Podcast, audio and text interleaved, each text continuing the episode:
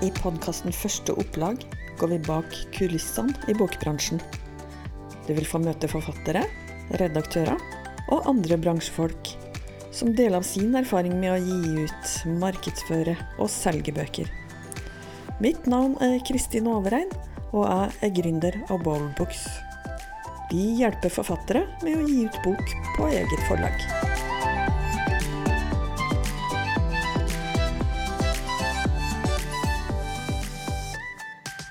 Denne episodens gjest må rett og slett bare klype seg i armen for å forstå at hun faktisk har klart å oppnå det som hun har oppnådd. Hun har stått på bestselgerlistene i flere uker med en bok om alenemødre i Bergen på 50- og 60-tallet. Hvem skulle trodd det? Velkommen til deg, Anita Østerbø. Tusen takk. Du har skrevet en bok som heter 'Skammens mødre'. Og vi skal få høre historien om bakgrunnen for den boka, og hvordan den har blitt til, og hva som har skjedd underveis. Eh, hva du har gjort for å oppnå den suksessen som du har gjort. Men aller først så må vi jo høre hvem Anita er for noen. Så kan du ta kortversjonen? Ja.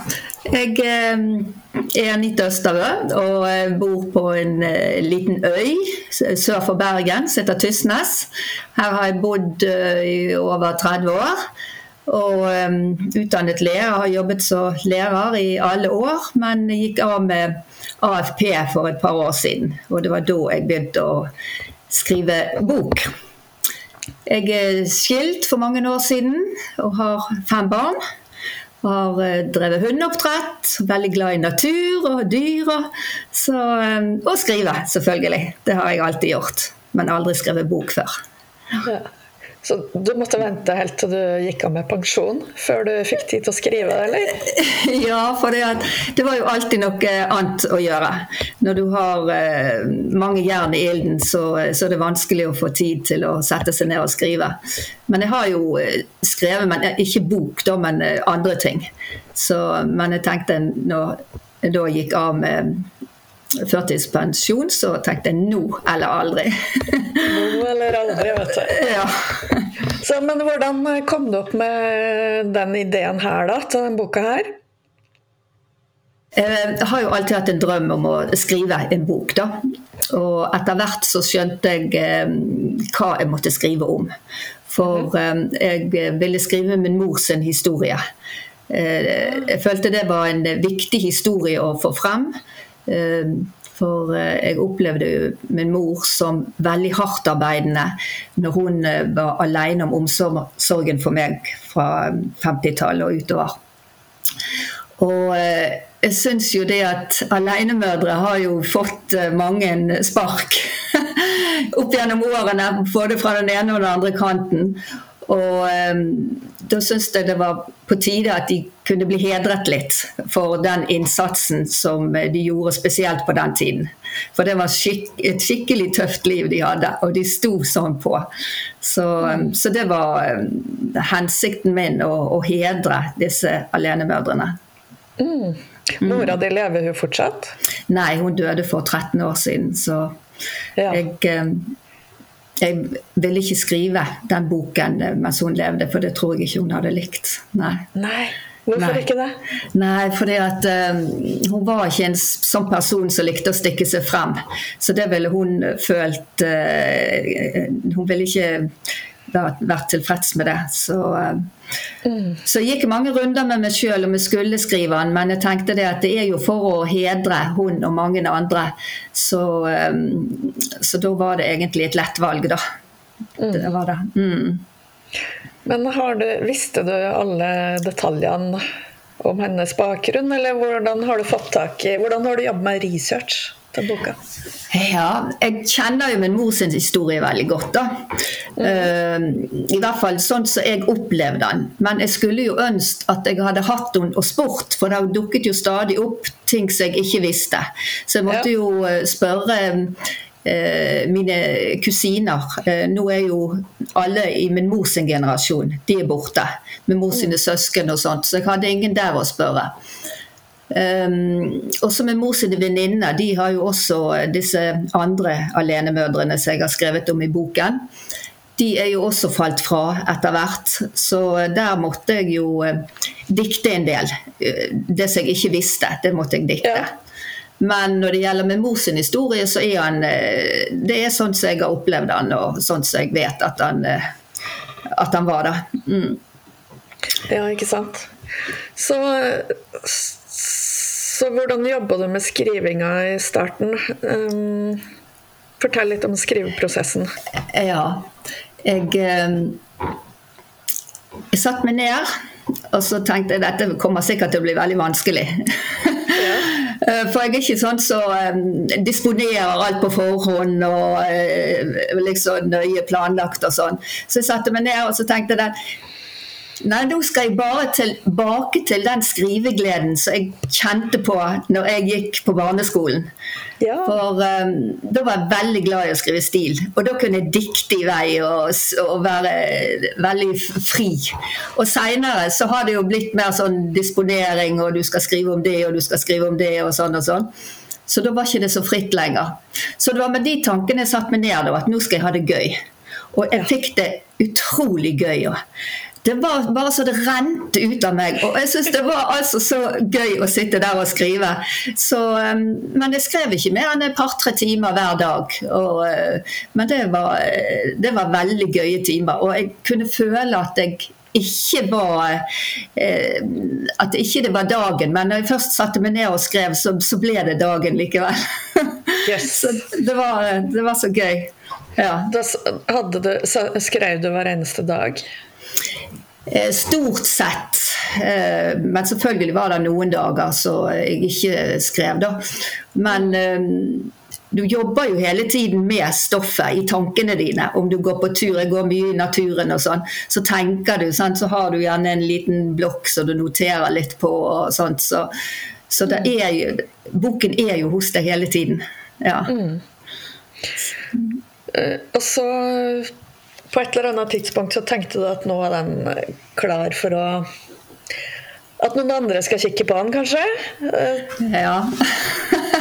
Jeg, eh, jeg, visste jo veldig lite om eh, prosessen, hvordan en gjør dette her. Men jeg visste jo det at du, du må jo sende, inn, sende manus inn til et forlag. Og prøve å bli antatt for å få boken utgitt. Så jeg sendte første utkast til diverse forlag og ventet mm. spent. Og da måtte du jo vente veldig lenge. Så det var jo eh, Ja, det tok jo lang tid før de svarte. Og det ene avslaget etter det andre kom. Og da ble jeg jo litt mismodig, for jeg tenkte det at Hva er så gale? Er det historien? Er det min måte å skrive på? Um, så da ble jeg eh, mismodig, for jeg hadde ikke latt noen lese noen ting av det jeg hadde skrevet. For jeg ville ikke bli påvirket av andre mens jeg skrev. Men eh, få høre litt om avslagene. Fikk du ikke noen tips der til hva som eventuelt det var jo et par, det var jo et par småforlag som, hadde, som ville ta sjansen på å utgi, det, men der var betingelsene så dårlige at det ville ikke jeg gå inn på. For jeg hadde jo lest meg litt opp på dette her og sånt, om folk som var misfornøyd med, med diverse forlag og sånt. Mm. Eh, men det var jo spesielt det bergensforlaget, da, Vigmostad og Bjørke. Der ble jeg veldig skuffet når jeg fikk avslag. For jeg tenkte, jeg tenkte det at de må være eh, like en bergenshistorie, tenkte jeg. Uh, og da tok jeg og ringte til de bare for å høre og sånt, og spurte de rett ut har dere lest hele manus. Nei, det hadde ikke de tid til. Og det var jo også mitt inntrykk av at de leser jo ikke hele manus, de bare blar igjennom det og sånt. Mm. Så da hadde jeg ventet lenge nok og tenkt nei, dette gidder jeg ikke mer. Da hadde jeg allerede følt kastet bort mange måneder på å sitte og vente på de der eh, avslagene så ikke de gidder å lese manus engang. Og da begynte jeg å uh, google. Uh, jeg har googlet masse. um, og, um, og, da fant jeg ut at det var noe som het bowlbox. Uh, og um, fant ut at de hadde et fantastisk tilbud for oss som var ny og uh, ukjent.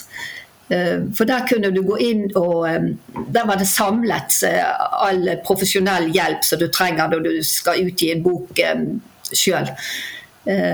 Så der kunne jeg velge mellom ulike redaktører, ulike språkvaskere osv. Og, så og jeg kunne også sende inn eh, utkast og få vurdert av tre redaktører før jeg bestemte meg. Og det passet meg jo veldig godt.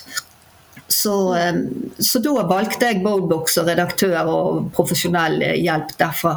Og det har jeg jo aldri angret på. Nei. Hvem var det du valgte som redaktør, da? Jeg hadde Roger Fill. Ja.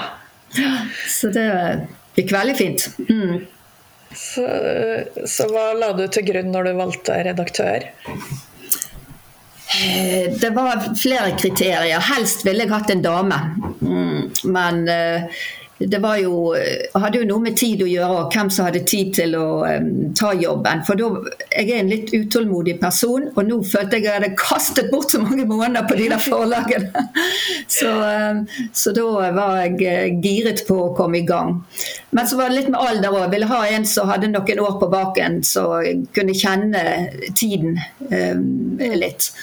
Og så syns jeg òg at eh, de, han var en av de tre som ga meg tilbakemelding da, på det første. Og, og eh, jeg syns det var eh, det var OK tilbakemeldinger. Og, men det så jo også hvor ulike disse redaktørene var. Og at det der med å velge redaktør, riktig redaktør, det er jo ganske viktig, da. Men eh, også at det med skriving og, og, vurdering av et manus, det er veldig subjektivt. Og da tenkte jeg også på dette med forlag. Så at Hvis du treffer på en i forlaget som ikke er så giret akkurat på den måten du skriver, eller det temaet som du har, så er det veldig lett å hive det vekk. Veldig viktig poeng. Det er veldig subjektivt, absolutt. Veldig. Mm, det er vel eh, ja, du har jo andre yrkesgrupper og sånn, men jeg tror det der med å være forfatter, det med å forståelsen av og vurderingen av eh, det som blir skrevet, det, det er mer subjektivt enn mye annet. Mm. Mm. Så da fikk du såpass positiv feedback på manuset ditt at du fikk tro på at det her kan du faktisk eh, gi ut på egen hånd, da? Nei, jeg fikk ikke så veldig mye positiv feedback. Nei, jeg gjorde ikke det. Så hvis det, hvis det var på det, så kunne jeg nok sikkert um, ha gitt opp. Uh, så um, For det syns nå, har, nå, er jeg lærer, og som lærer så er du veldig vant til å måtte, måtte eller du skal gi noe positivt tilbake, nesten uansett hvor gale det er. Sant? Um, men det, det, følte jeg jo at jeg ikke fikk her, så tenkte jeg det må jo være noe som er bra. Men øh, så tenkte jeg nei, men det er jo dette du skal lære av, Anita. Det er jo ikke å få positiv feedback. Men øh, hvis det skal være ett Eh, noe som er negativt med, med, med den uh, redaktørjobb, så er det at jeg kunne vært litt mer positiv til uh, ja. Sånn at jeg kunne okay. fått litt mer tro på meg sjøl. okay. Men uh, ble du rett og slett slakta? Nei, jeg ble ikke slaktet. Men um, det var vel mer sånn nøytralt. Og så var det jo selvfølgelig påpekt de tingene som kunne vært bedre og sånn, og det er jeg jo enig med. sant? Men um, jeg eh, så, så, den troen på meg sjøl og troen på boken min som jeg har hatt hele tiden, den har hjulpet meg veldig. Hvis ikke jeg hadde hatt den, så tror jeg aldri den boken hadde kommet ut. Mm. Men da fikk du nok eh, Du fikk påpekt ting som kunne vært bedre, som du var enig i sa du. Så da, da jobba du videre og skrev, gjorde om ting da, ut ifra de rådene du fikk? Nei, jeg skrev ikke om eh, hele boken. Jeg eh, var veldig sta på det at jeg ville ha den sånn som jeg hadde presentert den. Men jeg tok jo imot alle de gode rådene om å skrive noe om, om å legge til noe og forandre på eh, visse ting. da, Sånn at eh, historien skulle bli bedre. Så, mm. så der syns jeg han var flink. Men han ville nok hatt mange flere redaktørgjennomganger. Men uh, det ble det ikke. Det ble bare én. Mm. Mm. Er det noe mer du har lyst til å fortelle om, om selve prosessen fram til ferdig produsert bok? Ja, jeg syns det var kjedelig arbeid, men veldig nyttig og lærerikt arbeid. Uh, å gå igjennom med språkvasker, korrektur og alt dette her. Da måtte jeg liksom ta meg grundig sammen. Anita, dette må du bare gjennom. Og, ja, så jeg har ennå ikke lest boken min, for jeg fikk den så langt opp i halsen gjennom alle de omgangene. Men, men, det var jo nødvendig. Sant? Så jeg følte jo det at for hver omgang så ble boken bedre. Men selve historien og, og, og, og, hvordan det ble fremstilt, det har jeg ikke forandret på. Så det går liksom mer på, eh, på enkeltting og ja, småting. Ja. Mm. Så um, Når det nærmer seg lansering, da, kan du fortelle hvordan tenkte du rundt det, og hvordan planla du boklanseringa? Ja, jeg skulle jo delta på um, en um, Tysnesfest, en markedsdag på Tysnesfest. Og da var boken planlagt å komme noen dager før fra trykkeriet. Sånn at jeg skulle sitte der og, um, og selge bøker, og så skulle jeg ha en liten sånn lanseringstreff uh, uh, hos en venninne etterpå. Uh, så kom nå akkurat Eller det vil si at de innbundne bøkene eh, ville ikke rekke frem i tide. Så da sendte trykkeriet gratis til meg pocketbøker som skulle komme frem, og de kom frem dagen før. så, så, så, jeg fikk solgt masse på den markedsdagen. Og, og hadde en liten sånn lanseringssammenkomst seinere på dagen. Og da var det jo allerede noen som hadde kjøpt boken, som hadde begynt å lese den. Mm. Og så kommer de til meg da på lanseringen, og, og så sier de det at Gud, flott bok! Og vi har lest og lest og lest. Vi kan jo ikke legge den ifra oss. og da tenkte jeg å, det er ikke sant! Jo, da kom den ene etter den andre og sa det at eh, de ble så oppslukt av boken. Og så tenkte jeg ja, da har jeg klart det, tenkte jeg. For det var liksom du kan sende den til redaktør, du kan sende den til den ene til den andre, men det er jo leserne. Det er jo leserne du skriver for. Og hvis de har lyst til å lese videre, så er jo Da, da følte jeg at da hadde jeg eh, oppnådd noe. Da hadde jeg klart noe. For, eh, for jeg var hele tiden veldig obs på det når jeg skrev boken, at det må være en bok som folk får lyst til å lese videre. Eh, en bok som de ikke legger ifra seg. Så, så, da følte jeg meg ganske trygg på at, at jeg hadde klart det. Ja. Ja, Så herlig. Så, ja. utrolig herlig å få de første gode tilbakemeldingene. Ja, allerede, allerede samme dagen. Ja.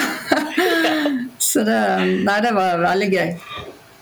Men Hvem var det du så for deg som eh, målgruppe for den boka? Hvem var det som skulle lese den? Ja, jeg, altså jeg hadde jo tenkt at det skulle være en bok for eh, flere aldersgrupper, men kanskje mest for min egen aldersgruppe. Altså de som eh vokste opp på den tiden, eh, ville jo eh, kunne nikke gjenkjennende til miljøbeskrivelser til, til, det som skjedde den gangen. Men, men, også yngre generasjon som skulle få øynene opp for hvordan det var på den tiden i forhold til hvordan det er i dag. For det er jo en stykke historie fra vår nære historie som er viktig å få frem, føler jeg. Mm. Men det er nok mest min aldersgruppe som har favnet om denne boken, og som eh, er mest interessert i den. Det er det. Fra, ja, hva skal jeg si, fra 50 år og oppover. Mm. Mm. Hva foretok du da, da for å nå ut til målgruppa di? Ja, da eh, har jeg brukt Facebook. Det, jeg har vært på Facebook i mange år og vært med i flere grupper, bl.a. en gruppe som heter Bergen før i tiden. Det er en stor gruppe på 65 000 uh, følgere. Og, um, og, det er en veldig populær uh, gruppe. Så at, og så leste jeg litt igjennom kriteriene der, og der kunne du få lov å annonsere for bøker som du har skrevet hvis de var fra riktig periode, altså fra før i tiden. Og hvis, eh, ja, og hvis eh, de var fra Bergen. Altså, ja. Så tenkte jeg dette er jo midt i blinken. Så da brettet du ut og fortalte om boken min. Og allerede samme kveld så fikk jeg jo enormt mange bestillinger på boken. Så jeg, så jeg, sendte ut. For jeg hadde jo tatt alle bøkene hjem til meg. Det første opplaget på 1000. Uh, så da sendte jeg ut. Og um, etter hvert som folk leste disse bøkene, så, ehm, så, skrev de kommentarer. For jeg la jo ut nye innlegg på Bergen før i tiden. Og her ser dere Sølvi og Ingrid fra 'Skammens mødre'. Da hadde jeg noen bilder da, fra barndommen min som jeg brukte. Og da var de jo kjapt, eh, lynkjapt med å skrive det. 'Å, fantastisk bok!' Å, han var så interessert. Var, de klarte ikke å legge den ifra seg, og det var det ene superlativet etter det andre. Og så tenkte jeg ja, da fikk jeg enda flere bestillinger. Og så begynte jo bokhandlerne bokhandleren i Bergen å bestille inn masse bøker. For da kom jo folk og etterspurte disse bøkene. Og da reiste jeg til Bergen og leverte og kunne levere 30-40 bøker til en bokhandler f.eks. Og de sa at de har ikke opplevd maken det var så etterspørsel etter boken min. Så det var jo kjempegøy. Ja. Så det var starten. Ja. Det var starten. Ja. Eh, og det var bokhandlerne i Bergen som tok den inn først. Men eh, ja. Hvordan var det med bokhandlere andre steder i Norge? Ja, så prøvde jeg jo å sende ut litt og ta kontakt med noen bokhandlere og sånn. Og, men det var mer sånn eh, lunken um, interesse. Uh, og så tenkte jeg uff, nei, jeg orker nå ikke å ringe rundt til forskjellige bokhandlere. Det er jo altfor mye arbeid. Uh, hva er lurt å gjøre? Jo da, eh, du må ringe til de som kan ta en avgjørelse om å kjøpe inn til flere bokhandlere. Så da ringte jeg til, eh, til innkjøpssjef da i, i, både Ark og Nordli. Og, så, og da kan jo de gå inn og se hvor mye bøkene har solgt. Og da så de jo det at han hadde solgt så enormt i Bergen. Mm. Så, så dermed så fikk jeg eh, de til å kjøpe inn sentralt. da. Eh, de bestilte, mm, de bestilte og så da eh, sendt ut til Eller da var det jo meg som måtte sende ut til butikkene. Det var et himla arbeid. ja. Oh, men hva gjør man ikke for suksess? Men jeg, jeg kjøpte dem inn til alle, alle i kjeden. Ja, da kjøpte de inn eh, til eh, Ark eh, De kjøpte inn til alle bokhandlere i hele landet. Og, eh, ja. Mm, det gjorde de, og Nordli også. Mm. Så Og Nordli-sjefen hun var jo bergenser, så det var jo veldig kjekt. så det hjalp jo litt for. Ja, det var ikke noe minste. Men jeg må jo også si at jeg hadde brukt pressen nå, da. Eh, ja. Så, ehm, så det har jeg jo vært heldig. Begynte jo med, med eh, lokalavisen.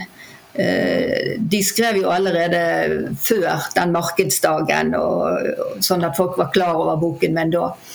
Og så gikk jeg jo videre til Bergens Tidende, som hadde en veldig fin vinkling på utgivelsen av boken min. For de skrev jo at, at forlagene sa nei men at, og så ga jeg ut boken sjøl. Og at den nå solgte veldig godt. Liksom. Så, så, det ble jo to sider i Bergens Tidende, så det var jo kjempe, kjempefin artikkel. Mm. Ja, to helsider, det så jeg. Ja, ja. Var, var det du sjøl som kontakta de? Ja. Da, kjent, ja. Da, da, tok jeg kontakt med kulturredaktøren i, i Bergens Tidende, og jeg måtte jo snakke med henne noen ganger. Men eh, til slutt så så tok hun den. Ja. og, så jo, så hadde jeg jo um, en uh, stor artikkel i VG. Uh, ja, så hjalp jo veldig godt på. De skrev jo 16 sider om boken min i VG Helg. 16 sider? 16, 16 sider.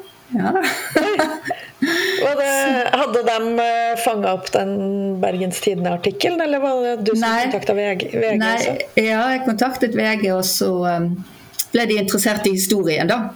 Så da kom de over og laget eh, reportasje, både fotograf og, og journalister. Så, så, den Jeg tror han ligger på VG, VG nett Altså på det hva det heter, VG pluss. Der ligger han ennå. Ja. Så, um, og, ja, nei, så det var veldig gøy. Så da merket du jo veldig oppsving etter, etter det. Mm. Ja, ikke sant? Det førte til enda flere salg igjen. Ja, og det brukte jeg jo også ovenfor eh, disse her innkjøpssjefene som sier ja, nå kommer der en 16 sider reportasje i VG.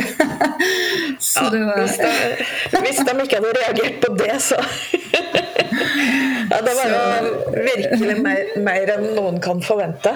ja. Men du må jo på en måte Du må jo selge deg litt, da.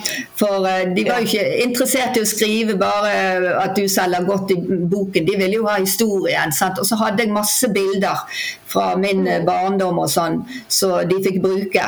Så det var jo derfor det ble mange, eh, mange eh, sider ut av det. Men eh, det var jo helt greit. Jeg fikk jo ut historien, og jeg fikk jo eh, markedsført den så til de grader. Ja, ikke sant? For avisene er ute etter eh, den personlige historien. Ja. Ja, ja da, så jeg måtte stille opp og smile. Og de skulle til og med ha bilder av meg og alle hundene, og det var så mye styr, vet du. Er det nødvendig, sier jeg. Ja, ja, ja. ja. For da skulle de ha historien om hun som bodde langt i avsides til med masse hunder og skrev bøker. Og, og opp på roteloftet med alle bøkene. Og jo mer rotete det var, jo bedre var det, vet du. Ah, og da alt det her eh, salget førte jo til at boka di havna jo på bestselgerlistene. Ja, det gjorde han. Og i 20 uker lå han på bestselgerlisten, altså Bokhandlerforeningen sin bestselgerliste. Så 20 der- uker. 20 uker. Mm. Fem, det er fem måneder. Fy søren. Ja, så, um, så det var jo kjempegøy. Jeg fulgte jo med. Eller, ja, nå, er- så I en periode så var han jo den norske romanen som solgte aller best. Mm, så det var jo veldig gøy. Herlighet. Hva, hva tenkte du da? Da, da var jeg helt uh, månebedotten, altså. det, var, det var nesten ikke til å tro. Jeg gikk og sang for meg sjøl. Og sa sier jeg, Anita, hva er det som skjer? Så nei, det var, det var helt utrolig. Det var det. Hva, hva hadde du sett for deg på forhånd? da? Hva er liksom sånn best case som du hadde sett for deg på forhånd? At jeg skulle selge ut første opplaget mitt på 1000 bøker. Det, hvis jeg klarte det, så følte jeg at da, da hadde jeg lykkes. Så, men jeg var også veldig innstilt på at jeg ikke kom til å selge noe særlig. Så de pengene jeg hadde lagt ut på få boken ut, de eh, var jeg innstilt på var tapt. Det var penger som jeg hadde eh, spart opp, men så eh, jeg hadde brukt på en drøm. Og Ja. gikk det ikke, så gikk det ikke. Da skulle jeg ikke klage over det. Jeg hadde i hvert fall prøvd. Sånn var liksom innstillingen min.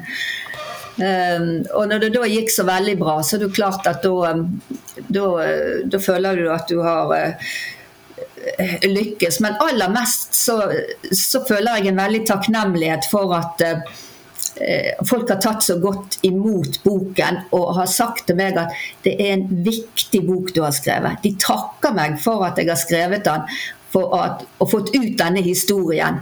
Og det har jo ført til veldig mye godt òg. For um, en del uh, ut av disse har jo da oppsøkt og funnet sine biologiske foreldre, som de kanskje ikke ville Ja. Så um, Senest for et par dager siden så var det den historien. Så folk som kom fra Amerika for å møte en halvbror og i det hele tatt. Så um, jeg har fått veldig mange uh, flotte tilbakemeldinger. Og det gjør meg veldig sånn um, takknemlig, og jeg føler jeg har gjort noe meningsfullt. Og åpnet opp om alle fortielsene. Mm. Ja, virkelig. Det Ja. har virkelig lyktes på mange plan for å realisere drømmen din. da. Ja. Det er det jeg har. Og, så, og min mor, hun er blitt den store helten, vet du. Hun som strevde i, i alle år og jobbet og jobbet og jobbet, og var en en grå mus, vil sikkert noen si. Sant? Det var jo ikke noen som la merke til henne. Altså, hun stakk seg ikke frem på noe som helst måte. Nå er hun blitt den store helten, og de sier til meg For en fantastisk mor du hadde! Som beholdt deg, Så hentet deg fra barnehjemmet og beholdt deg til tross for alt hun måtte igjennom for å få det til. Ja. Ja, hun var helt fantastisk. ja. Og jeg syns det er så fortjent at hun får den hederen. Og, man skulle jo ønske at hun hadde opplevd det eh, ja, sjøl, og at hun hadde sett at det var positivt. Sant? Men sånn ble det jo ikke. Nei. Men eh, godt å kjenne på, i hvert fall. Mm. Ja, det må være utrolig tilfredsstillende. Eh, og du fikk jo solgt det første opplaget på 1000 bøker. Det klarte du jo. Ja, og så trykket jeg opp 5000 bøker, så ble det utsolgt. Og så trykket jeg opp 4000, og der har jeg bare vel Det var 1000 igjen, så jeg har solgt 9000 bøker. Mm. 9000 bøker, ja. Ja. Det, det er veldig mye til å være i Norge. Ja. Ja det har, vært, eh, det har vært skikkelig gøy, altså. Og, og de der store kjedene har jo kjøpt den inn på kjedenivå fem ganger, i hvert fall. Mm. Oi, oi, oi. Så eh, Hva, hva skjer videre nå da, Anita? Eh, Blir det noen ny bok? Jeg hadde jo ikke tenkt til det. For jeg tenkte nei, når jeg har skrevet denne, så gir jeg meg. For det er så mye jeg har lyst til å gjøre. Men um, de har jo bedt meg, leserne. De vil vite hvordan det går med disse jentene og barna og alt sammen. Så jeg holder på med bok nummer to. En um, fortsettelse. Så um, Og det Oi, det blir en uh, oppfølger? Ja. Mm. Og folk gleder seg til den. Så, så det, det er veldig gøy. Det er det. Oi, har du, har du tittelen klar også? Nei, det har jeg ikke. Jeg tenker mye på det.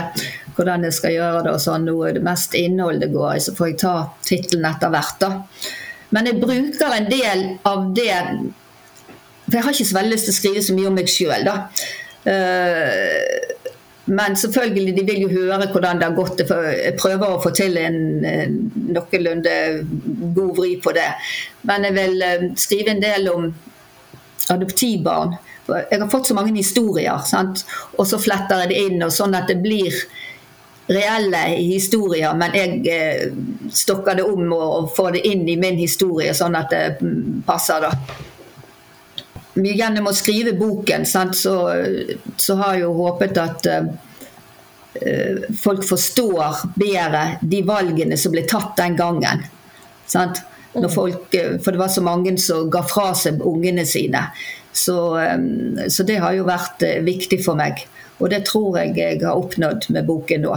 Sånn at det er ingen som skal føle noe eh, Altså føle vondt for de som ga fra seg ungene. For det var jo en tid hvor alt var så tøft og vanskelig. De hadde ikke noe valg. sant? Så det ja, har jeg prøvd å få frem i boken. Ja. Mm.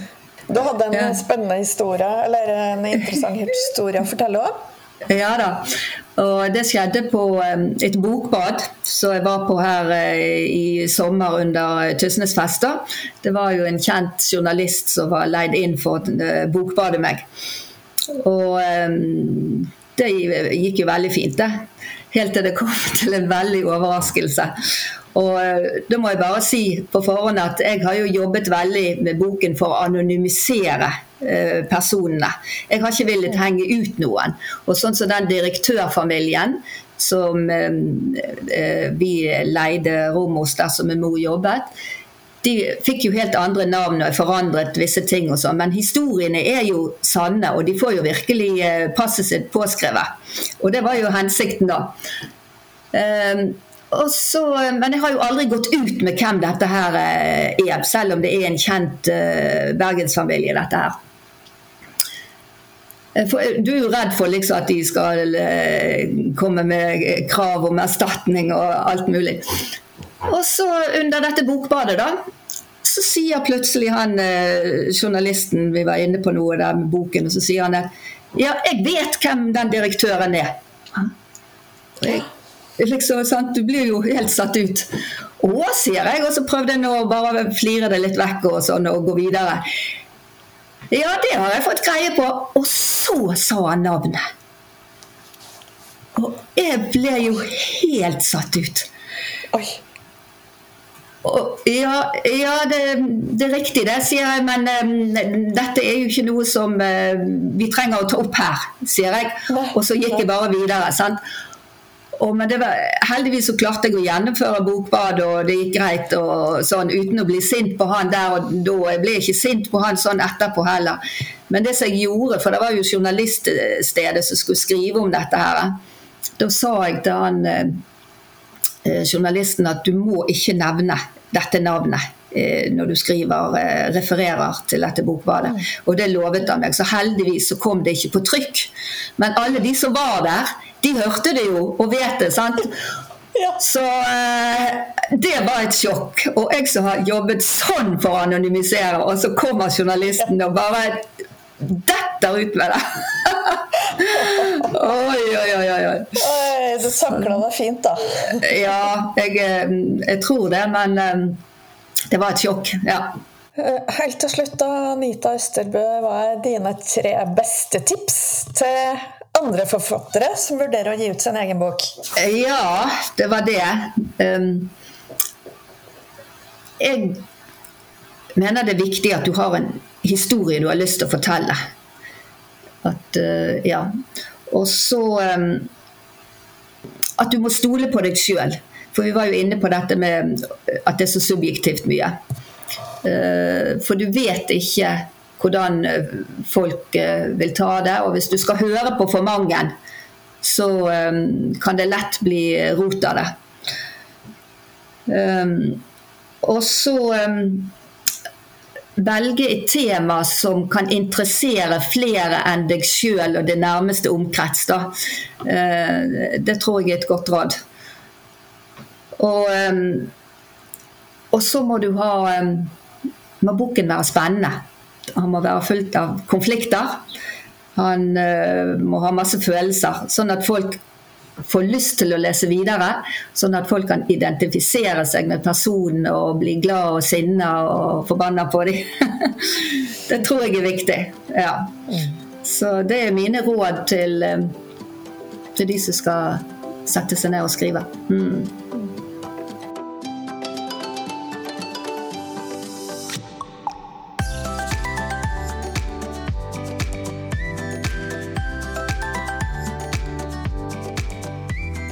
Du har hørt en episode av Første opplag, en podkast produsert av Boldbooks. På boldbooks.com kan forfattere få direkte tilgang til eksperter i alle deler av bokprosjektet. Alt fra redaktør og korrektur til bokdesign og trykking. Forfatteren investerer i kvalitet og beholder full kontroll og alle rettigheter og inntekter av sin egen bok.